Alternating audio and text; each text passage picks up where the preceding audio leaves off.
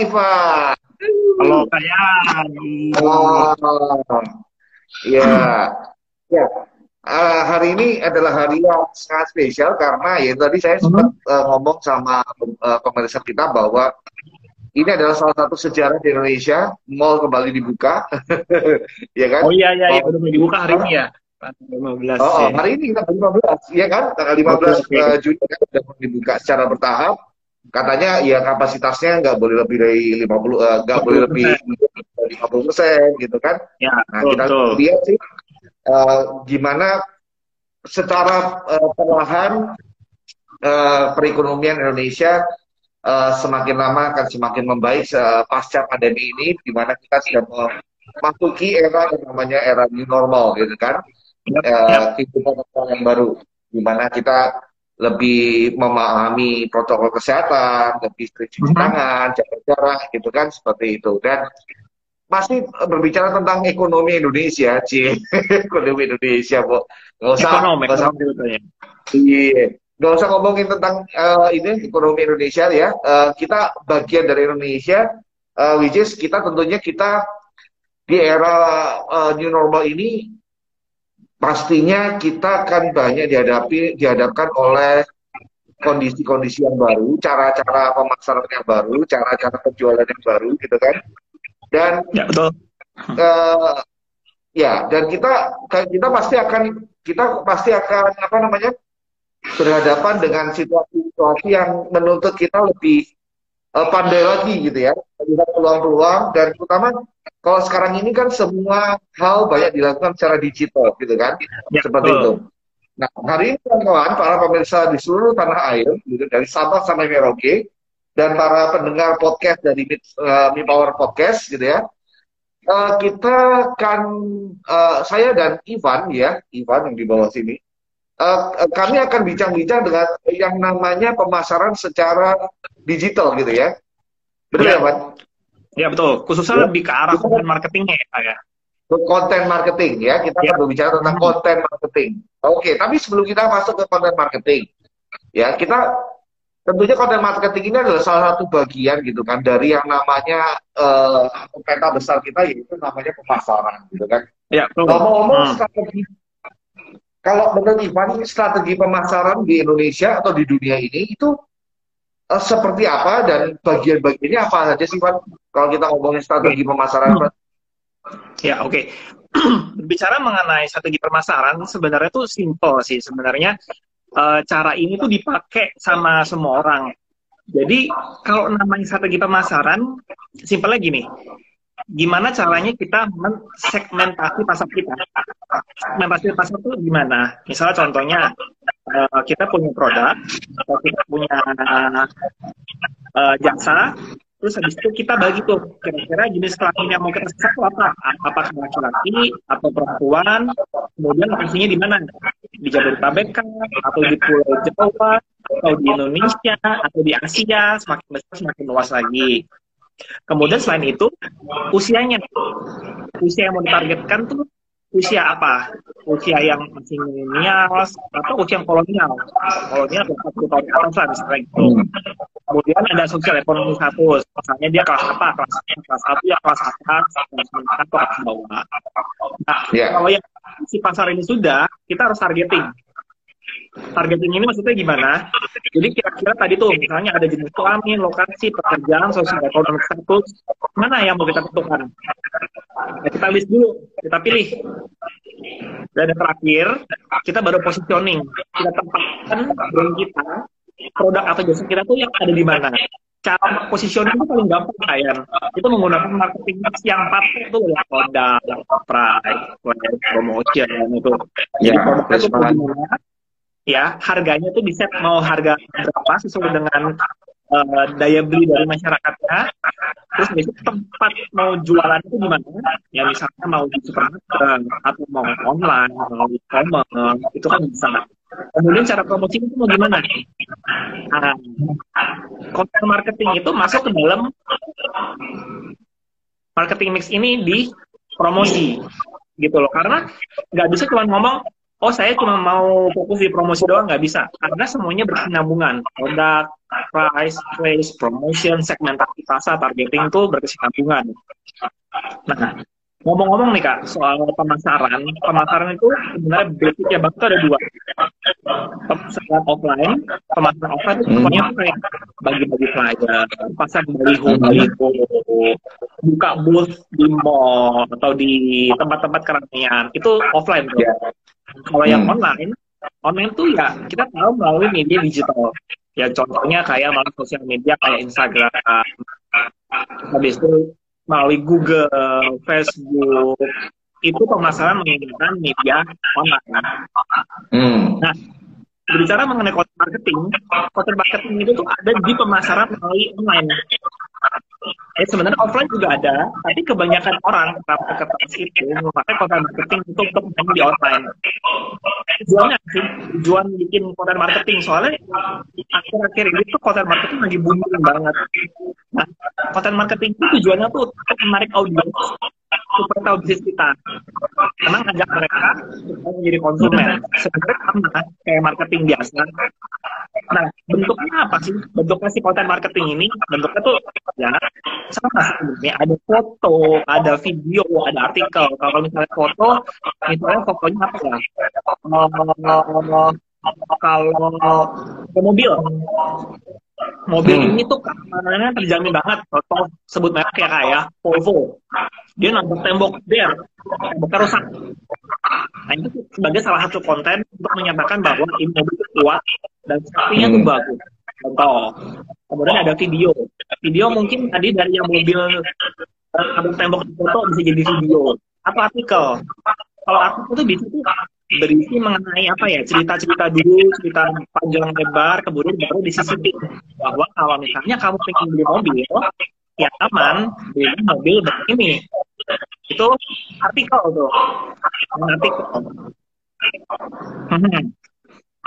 nah nah ini yang paling menarik kan biasanya orang-orang tuh banyak yang jenis konten marketing kayak gimana? Yang bagus ya, hmm. ya yang yang apa ya yang audiens tuh suka yang audiens tuh pingin denger yang apa ya pasti kalau audiensnya tuh menarik yang pasti yang pertama nih konten marketing itu harus menghibur. Ya dong. Hmm. kalau misalnya konten marketing udah nggak berani menghibur dan menarik boring begitu dilihat foto lewat misalnya ayam bikin konten marketing pasang di mana? Di video Instagram atau di YouTube nggak seru? Lewat kayak gitu kan jadi yang pertama nih menarik dulu. Nah, setelah menarik yang kedua harus mendidik. Mendidik itu mengedukasi untuk mengajak, untuk memberitahu seseorang dari yang nggak tahu jadi tahu. Contohnya, contohnya nih, kayak misalnya e, mengajak orang untuk berinvestasi atau mengajak orang untuk mempunyai proteksi atau mengajak orang untuk belajar bahasa. Yang penting mendidik ngajarin orang supaya yang dari yang hmm. nggak tahu jadi tahu. Kemudian ada lagi kak, menginspirasi. Jadi itu menginspirasi. Sekarang tuh udah banyak banget menginspirasi. Jadi kalau misalnya uh, orang misalnya bangun bisnis, contoh ya contoh nih kak ya, bangun bisnis itu mungkin ada yang cepat, pasti ada namanya proses, harus jatuh bangun, jatuh bangun, jatuh bangun. Terus tiba-tiba terbang bisnisnya, di sukses. Nah, inspirasi-inspirasi ini bisa diceritakan kepada orang-orang. Kurang lebih kayak gini. Kalau menurut kalian, kira-kira kalian nah, hmm. nah uh, yang saya mau tanya gini, Van. Van, yang mau tanya hmm. gini, Van. Kira-kira uh, kamu tadi kan nyebutin antara gambar gitu kan, konten ini ya, bisa ya. berupa ya. gambar, bisa ya. jadi gambar berarti kan visual gitu kan, tetapi juga ada yang ya mengkombinasikan dengan audio juga, which is ya. itu berupa video ya, kinestetik. Ya. Jadi apa yang dilihat, ada gerakan dan kemudian ada sesuatu yang dia dengar. Nah, ya. uh, menurut Ivan sendiri ini uh, dari pengalaman hmm. Ivan di konten ya. marketing, kira-kira nih, kalau ini teman-teman yang di sini kan pasti penasaran. Ini kira-kira kalau saya mau buat konten marketing, itu saya lebih baik menggunakan gambar aja gitu ya, atau hmm. video sebaiknya. Nah, ini pertanyaan, pertanyaan menarik. Nggak ada jawaban pasti. Nggak ada jawaban pasti, Pak. Karena gini, tergantung dari jenis audiens, tergantung dari jenis produk atau tergantung dari jenis jasa, tergantung dari jenis targetnya kita. Jadi setiap target itu mempunyai karakteristik masing-masing. Misalnya, target di usia milenial itu lebih suka pakai video. Nah, kalau di usia yang udah bukan milenial lagi suka pakai artikel misalnya. Nah itu kita nggak bisa mengatakan. Jadi kita nggak bisa bilang kalau aku mau buat konten marketing kira-kira pakai foto atau video kita harus coba semua dulu jadi once kita udah nyoba oh ternyata bagusan video nih nah baru kita bisa bikin videonya tapi tidak merupakan yang jenis konten marketing yang seperti foto atau artikel juga gitu kan berarti mesti testing ya aku ya, harus me... testing.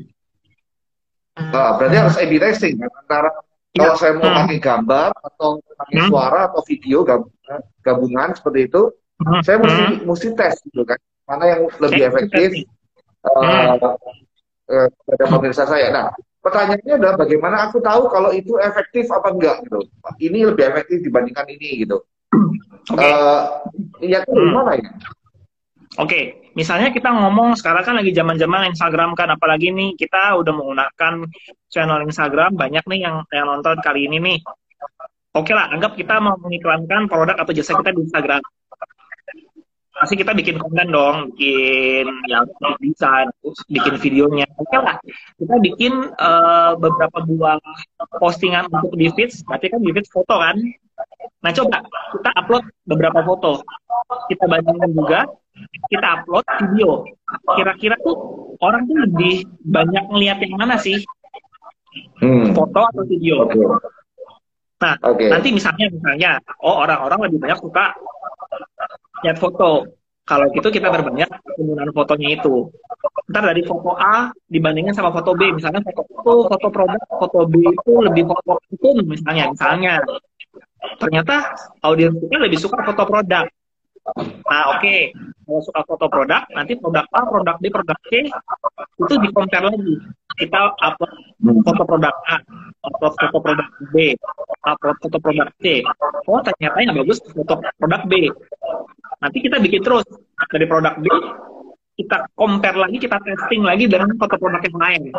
Kira-kira itu lebih lebih diterima mana sih sama audiens kita sampai pada akhirnya tuh kita tahu bahwa oh audiens kita itu suka foto fotonya tuh foto produk yang produknya seperti ini gitu jadi semuanya tuh harus dites tes tes gitu dulu sih kak Iya harus melakukan tes terlebih dahulu ya seperti itu ya hmm. Hmm. Ya dan tadi uh, kamu katakan uh, kontennya juga pertama harus menarik ya harus menarik hmm menarik, mendidik, dan juga menginspirasi gitu ya. Inspirasi. Hmm. Oke, nah kadang-kadang Ivan, oh tapi nanti mungkin kita akan bahas tips-tipsnya ya, gimana ya cara buatnya gitu ya. Uh, hmm. Karena karena kebanyakan kita ini ya, terutama saya yang usia-usia udah kepala empat ke atas gitu kan, itu kadang-kadang hmm. kalau uh, kita kami berurusan dengan konten itu kita hmm. nggak nggak connect gitu loh, kita nggak nggak nggak bisa mikirin konten yang pas itu gimana gitu kan. Membuatnya gimana itu itu kita kita agak bingung gitu. Tapi nanti mungkin kita akan bahas tips gitu ya. Oke okay, oke okay, boleh. Nah uh, oke. Okay. tapi kita sudah bicara gini bang supaya teman-teman juga sudah teman-teman yang dengar bisa tahu runutnya ya. Jadi hmm. tentunya kalau kita punya satu produk kita harus lakukan segmentasi terlebih dahulu gitu kan ya. kita hmm. sebenarnya uh, kita mau menyasar yang gimana gitu ya seperti itu ya. Di usia berapa hmm. terus kemudian targetingnya kita juga sudah buat kemudian ya. positioning kita sudah kita buat nah uh, dan kemudian kita juga konten marketing kita bisa gunakan di saat ini di mana uh, mungkin ya oh tadi Ivan katakan ada offline ada online gitu kan ya. uh, di mana sekarang mungkin orang lebih banyak ngetren kita pakai online karena di sana ketemu market itu jauh lebih besar gitu ya dibanding kita ketemu ya. secara fisik gitu kan hmm. seperti itu. Nah terus kemudian untuk itu kita mengemukakan sebuah uh, konsep di mana yang kita menggunakan pemasaran dengan menggunakan konten-konten dan konten-konten ini ada berupa bisa berupa foto, bisa berupa video, bisa berupa video, suara ya. seperti ini ya. ya. Nah, seperti itu dan pastinya konten tersebut harus menarik, mendidik dan juga hmm. inspirasi. Nah, kalau kita sudah punya kontennya nih, ya, kita sudah punya kontennya, sudah sudah sudah punya bahannya, ya. Hmm. Terus ini kan sekarang kalau kita ngomong tentang yang namanya digital atau ngomong namanya online, itu kan hmm. macam-macam di salurannya tuh. Ya, Bisa ya. YouTube, sekarang mungkin ada TikTok, apa lagi ya? hmm. ya? Ada Instagram, ada hmm. Facebook, hmm. ya. terus ada Friendster. Friendster udah nggak ada kali ya. Tutup, tutup. Uh. Friendster nggak ada ya. Nah, itu, ini hmm. bisa nggak di, di, di apa dikasih gambar kepada kawan-kawan sebenarnya yang efektif yang mana gitu loh oke okay. sebelum saya menjawab hmm, sebelum saya menjawab itu mungkin yang harus di apa ya ditekenin lagi mengenai konten marketing ini kenapa sih kok konten marketing ini bisa lebih efektif dibandingkan dengan uh, marketing marketing lainnya. Bukan berarti marketing marketing lainnya jelek ya. Ini uh, yeah. sekedar kasih informasi aja kepada para pendengar di Salaf ini. Jadi gini, kalau pemasaran biasa itu paling kita hanya sekedar memasarkan produk atau jasa kita kan. Ya kita punya produk ini, kita pasangin tujuannya supaya apa? Tujuannya supaya orang mau beli gitu doang kan melalui media iklan yeah. apa pun di majalah, iklan di TV, di tempat-tempat lain. Yang lihat banyak apa enggak? Yang lihat banyak banget. Tapi apakah orang yang lihat itu pasti perhatiin misalnya iklan di TV dilihatin iklan di TV gitu belum tentu. Apakah orang kayak baca majalah begitu baca majalah dia dibaca semuanya ya tentu. Bisa aja namanya bounce-nya iya. tinggi.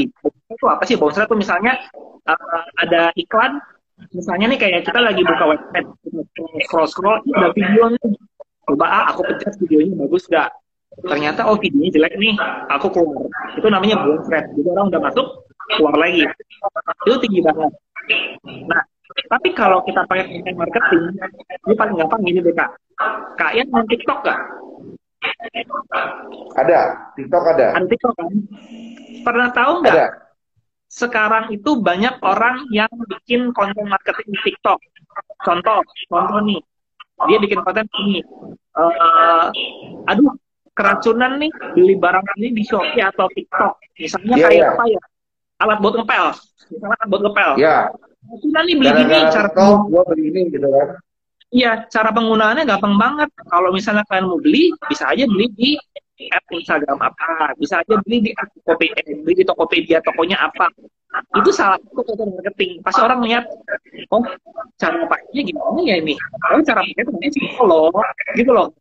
Gitu. Nah menjawab pertanyaan kak Ian tadi kalau misalnya membuat konten marketing itu channelnya di mana aja. Nah, channelnya itu pastinya kita harus punya website. Kenapa website? Website gak usah yang bagus-bagus, gak usah bikin yang mahal-mahal. Tapi sekarang banyak banget kok uh, situs-situs yang bisa buat website. Misalnya contoh kayak Wix.com. Wix itu kan bisa kita bikin website, bisa pilih template di sana. Kenapa kok harus punya yeah. website? Nah, once kita udah main di digital marketing, kita udah main di konten, kan pasti ada orang yang meninggalkan data dirinya untuk di follow up lagi atau dia langsung beli produknya atau jasanya di website tersebut kan. Kalau misalnya nggak ada website, ya kita kehilangan momentum itu. Kita nggak punya data mereka, kita nggak bisa follow up mereka. Karena yang paling penting adalah kita harus follow up. Kemudian yang kedua, sosial media. Ini boleh dilupakan. Sosial media itu sebenarnya sebagai perpanjangan tangan dari dari apa ya dari offline kita untuk menjangkau orang-orang yang ada di online. Jadi sebenarnya nggak harus bagusin sosial media kita banget. Terus toko offline-nya dicuekin enggak kedua-dua itu harus sama-sama di, di apa ya dibangun lah kayak gitu. Terus kemudian ini paling penting situs komunitas. Karena the power of community itu itu kuat banget. Karena ibarat kata kalau di komunitas tuh penyebab virus itu ada gitu loh. Satu orang di komunitas ya. bilang coba deh beli produk A deh. Itu bagus loh. Masih satu komunitas itu pada beli produk A. Contohnya situs sekarang apa sih? Kalau buat dulu kan ada airpods.com Ya mungkin sekarang hmm. udah banyak situs komunitas, misalnya di Facebook ada grup komunitas apa, grup komunitas apa, kita mungkin bisa ya. join ke sana, atau kita bisa bikin sendiri, nantinya kita kelola sendiri. Nah, kemudian yang terakhir adalah jangan lupa email. Kita harus juga bisa apa ya, bikin konten marketing melalui email gampang banget misalnya bisa kasih fakta-fakta atau dikasih informasi terbaru misalnya kita punya promo misalnya nih kita jualan barang ada promo diskon 30% untuk hari ini bayar hari ini. Caranya adalah silakan tinggal klik uh, tombol bawah ini gitu loh. Itu salah satu namanya marketing. Jadi selain kita bisa mengedukasi kita juga bisa kayak meningkatkan penjualan kita melalui email. Email bukan email gitu. Karena apa ya ini uh, orang itu bisa diulis melalui apa sih? Satu sosial media. Kedua nomor personalnya kalau kita punya contohnya nomor WhatsApp. Hmm. yang ketiga apa? Email ya mungkin kita nggak punya nomor telepon media, kita nggak punya sosial media media, tapi kita punya emailnya setidaknya kita bisa memberikan pesan kita ke mereka, gitu kak. Itu main kenal hmm. gimana kalau kita mau main di konten marketing. Oke. Okay. Halo. Ya ya halo. Halo Van. Ya. Ya. Halo. Tempat tadi sempat tutup sedikit. Oke, okay, oke. Okay. Berarti itu yang harus kita perhatikan gitu ya. Nah, hmm. kalau kalau uh, apa ya? Kalau kita ngomong uh, aku bisnisku adalah di bidang A gitu ya. Katakanlah aku di bidang konsultan gitu ya. Hmm. Konsultan misalnya tentang konsultan arsitektur gitu kan, seperti itu. Uh, kemudian itu semua semua channel aku harus masukin untuk bisa memasarkan jasa konsultasiku ataukah aku hanya boleh eh, bukan hanya boleh tetapi aku memilih satu atau dua channel yang aku benar-benar fokus di sana. Menurut kamu gimana, Pak? Apakah semua TikTok gue juga masuk, Instagram, hmm. YouTube gue masuk, Instagram gue masuk, atau gue pilih aja gitu kan? Misalnya cuma Instagram sama misalnya YouTube misalnya kayak gitu. Menurut kamu gimana nih? Oke, okay. setiap sosial media itu pasti punya apa ya? Eh, bukan punya populasinya sendiri, punya orang-orangnya sendiri. Misalnya Twitter, Twitter itu punya populasinya sendiri, orang yang suka apa ya? info-info yang nggak terlalu berat. Kalau di YouTube orang-orang ingin yang apa ya, yang lucu-lucu atau yang menginspiratif atau yang ngasih informasi YouTube. Kalau orang yang lebih ingin yang ringan-ringan tapi informatif. Atau di Instagram yang lebih kelas cepat segala macam. Kalau misalnya pertanyaan adalah jasa bisnis konsultan aku buka yang mana? Ya buka di tempat yang customer kalian tuh ada banyak. Misalnya kalau arsitek, arsitek itu kan lebih ya, ya lebih konstituen kan, nggak nggak nggak ya pak. Iya, bisa. Website kayak gitu. Di Facebook kira-kira orang-orang di Facebook mau beli jasanya arsiteknya enggak? Belum tentu gitu loh. Karena bisa aja orang-orang yang di Instagram mungkin ekonomi bisa lebih tinggi daripada di Facebook. Itu bisa kebalikannya. Itu ada stres sekali lagi. Harus dilihat dulu sebelum kita membuat sosial medianya kita. Hmm. Oke okay, oke. Okay.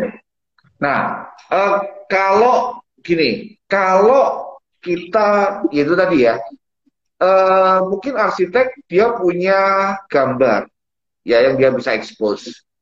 Dia punya project atau project reference yang dia pernah kerjakan, ada fotonya dan sebagainya. Kalau seorang penjual makanan juga ada foto makanannya. Kalau handphone ada barangnya. Gimana kalau yang kita jual itu berupa benar-benar jasa ya, jasa yang nggak nampak gitu loh. Contohnya ya. kayak apa kak? Atau contohnya apa? Lawyer misalnya. Lawyer, ya kan? Terus hmm. kemudian uh, teman-teman di insurance misalnya, di mana produknya ya cuma kayak buku polis gitu aja kan, uh, buku hmm. perjanjian aja gitu. Lawyer, lawyer itu kan le, jasa dia untuk membela gitu kan seperti itu. Nah, bagaimana uh, rekan-rekan ini yang uh, produknya intangible gitu ya, itu bisa bisa menggunakan konten gitu ya. Seperti okay. itu. Gimana, okay. Pak? Gimana kalau kontennya yang harus dibuat gitu loh? Hmm, oke. Okay. Kalau misalnya kayak seperti lawyer, lawyer itu apakah uh, gimana ya? Apakah perlu buat konten? Perlu. Tapi apakah harus aktif di sana kan? Belum tentu. Kayak gitu. Tapi kalau misalnya kembali lagi kayak apa ya tadi uh, kalian sudah bilang kayak asuransi kan, berarti cuma tulis doang mungkin. Karena gitu. Itu bisa banget. Bisa bikin konten melalui artikel itu bisa. Melalui foto juga bisa. Artikel. Kemarin kemarin baca kemarin malam aku sudah baca artikel uh, katanya gini ada satu orang di negara barat dia selama satu bulan dua minggu dirawat di rumah sakit pas keluar ternyata dia ditagih satu juta dolar. Tentunya hmm. orang ini dikantor sama akuntansi X. Makanya dia nggak bayar. Ini konten loh gitu loh. Kan ceritanya menarik kan karena oh. dengan covid dikasih fakta bahwa ada bapak-bapak udah udah tua kena covid dirawat disuruh bayar satu juta dolar. Di hidupnya itu kalau kamu punya asuransi kamu nggak usah bayar satu juta dolar. Gitu. Salah satu jenis kontennya jadi sebenarnya kembali ke kreativitas kita untuk memanfaatkan apa yang kita ada gitu ya kita miliki untuk bisa jadi konten ya. Karena tadi ya. kisah pun bisa jadi konten gitu kan. Kisah bisa jadi konten. Nah ya kisah pun bisa jadi konten gitu kan. Jadi ya. sebenarnya sebenarnya kalau yang saya tangkap berarti apa pun sebenarnya kita bisa pasarkan secara secara konten marketing gitu ya seperti itu nah satu lagi ini menarik Pak gini konten marketing itu bisa nggak dibuat uh, gini saya nggak nggak cuman gini, nggak cuman nggak cuman pasang supaya terkenal gitu ya, tetapi uh, gimana caranya supaya saya dapat salesnya langsung gitu.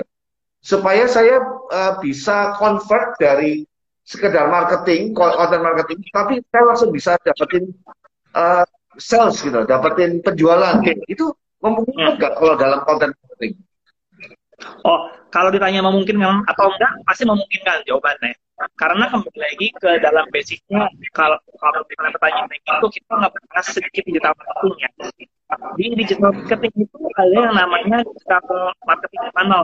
Jadi kayak corok, untuk kayak gini, kayak corok gede, bawah nggak kecil gitu. Misalnya kita bikin konten, yeah. kita iklankan di sosial media, ngebuat orang aware dong kan aware orangnya itu interest apa enggak sih sama konten kita? Nah nanti kalau misalnya orangnya udah interest orangnya bisa desire kemudian terakhir baru action. Jadi kalau hmm. pertanyaan apakah aku bisa misalkan bikin konten langsung terjadi sales? Bisa. Tapi itu ada kondisi konversinya. Misalnya uh, kira-kira kalau satu orang yang melihat iklanmu yang jadi sales satu aku mau dalam waktu satu minggu ada satu orang yang beli. Kalau gitu berapa orang yang harus tadi kelentu udah ditarik kaki ke atas berarti harus ada tempat kakinya baru ada keluar gitu. Berarti tetap tetap kita menggunakan uh, apa uh, konversi itu didatangkan dari dari kontennya yang kita pasang ataukah memang ada effort lain, Van? Misalnya tadi Ivan mengatakan sempat saya catat di situ kita follow up misalnya uh, mereka yang sempat berinteraksi sama kita melalui konten kita kemudian kita follow up gitu ya nah itu seperti itu ataukah secara otomatis konten itu bisa melakukan konversi dari cuman marketing ke sales gitu pastinya ada yang bisa langsung uh, melakukan konversi dari marketing ke sales, tapi pasti ada juga yang harus di follow up lagi. Karena ini, hmm. karena misalnya lihat kan, oh, gue ingin ninggalin leads ah, gue di kontak. Tapi orang setelah ninggalin leads apa loh, nggak langsung, aduh, aku berharap ini, aku berharap itu enggak. Tapi bisa aja dia ninggalin nama, lupa. Kita harus follow lagi, Oh terima kasih telah meninggalkan ini, tadi bapak hanya produk ini. Ini saya berikan servisnya dan uh, manfaatnya yang saya digunakan. Nanti dia kan recall lagi kan. Oh iya, dia aku naruh ini ya. Oke, aku mau nanya produk yang ada? Jadi ada interaksinya. Nah, itulah nanti kemampuan kita gimana caranya supaya orang itu bisa jadi sama kita. Gitu. Oh, Jadi kalau okay. sip, sip, sip. kalau ke konversi bisa, atau kalau ke up juga, iya apa enggak? Iya. Ya, oke. Okay. Sip, sip, mantap ya. Berarti ada gitu ya caranya. Karena enggak, karena tentunya gini, kita kan isunya adalah kita ini sekarang nggak mungkin jarang, uh, mungkin akan akan mungkin jarang bertemu orang secara tatap muka langsung gitu ya, tetapi kita bisa menggunakan media seperti ini untuk kita bisa uh, memas uh, mengenalkan produk kita, jasa kita, plus sekaligus kita bisa dapetin uh, penjualannya ya, nggak, nggak cuma melulu harus ketemu orang seperti itu, tapi kita bisa menggunakan cara-cara seperti ini gitu ya untuk kita tetap masih bisa menjual produk dan jasa kita gitu ya. ya. Nah, Pak terakhir, boleh nggak kasih tips pada para pendengar dan pemirsa semua yang budiman sih ya, pemirsa dan pendengar budiman di sekitar air, um, apa tips-tips yang perlu kita perhatikan, kiat-kiat yang perlu kita perhatikan saat kita memulai uh, pemasaran secara konten ini, konten marketing ini, apa saja kiat-kiat, Oke, okay uh, yang namanya kita ada di industri kreatif ya. Konten kan kreatif kan. Dan konten itu yeah. ya kreativitas kita lah. Kita bisa bereksplorasi sejauh mungkin gitu. Tipsnya paling yang pertama adalah kita kalau bikin konten itu harus original. Jangan ngopi dari orang lain bukan kopi satu persen nanti nah tapi kalau memang orang lain ambil yang sarinya aja tapi ya jangan ganti atau objek diganti itu nggak boleh beneran tidak punya orang diambil dibikin di platform kita di copy plug itu jangan harus original yang pertama yang kedua untuk membuat konten marketing harus sesuai dengan target audience. Misalnya kita mau targetnya jual apa ya? Misalnya kita mau jual obat itu apa kalau untuk orang tua obat asam urat ya?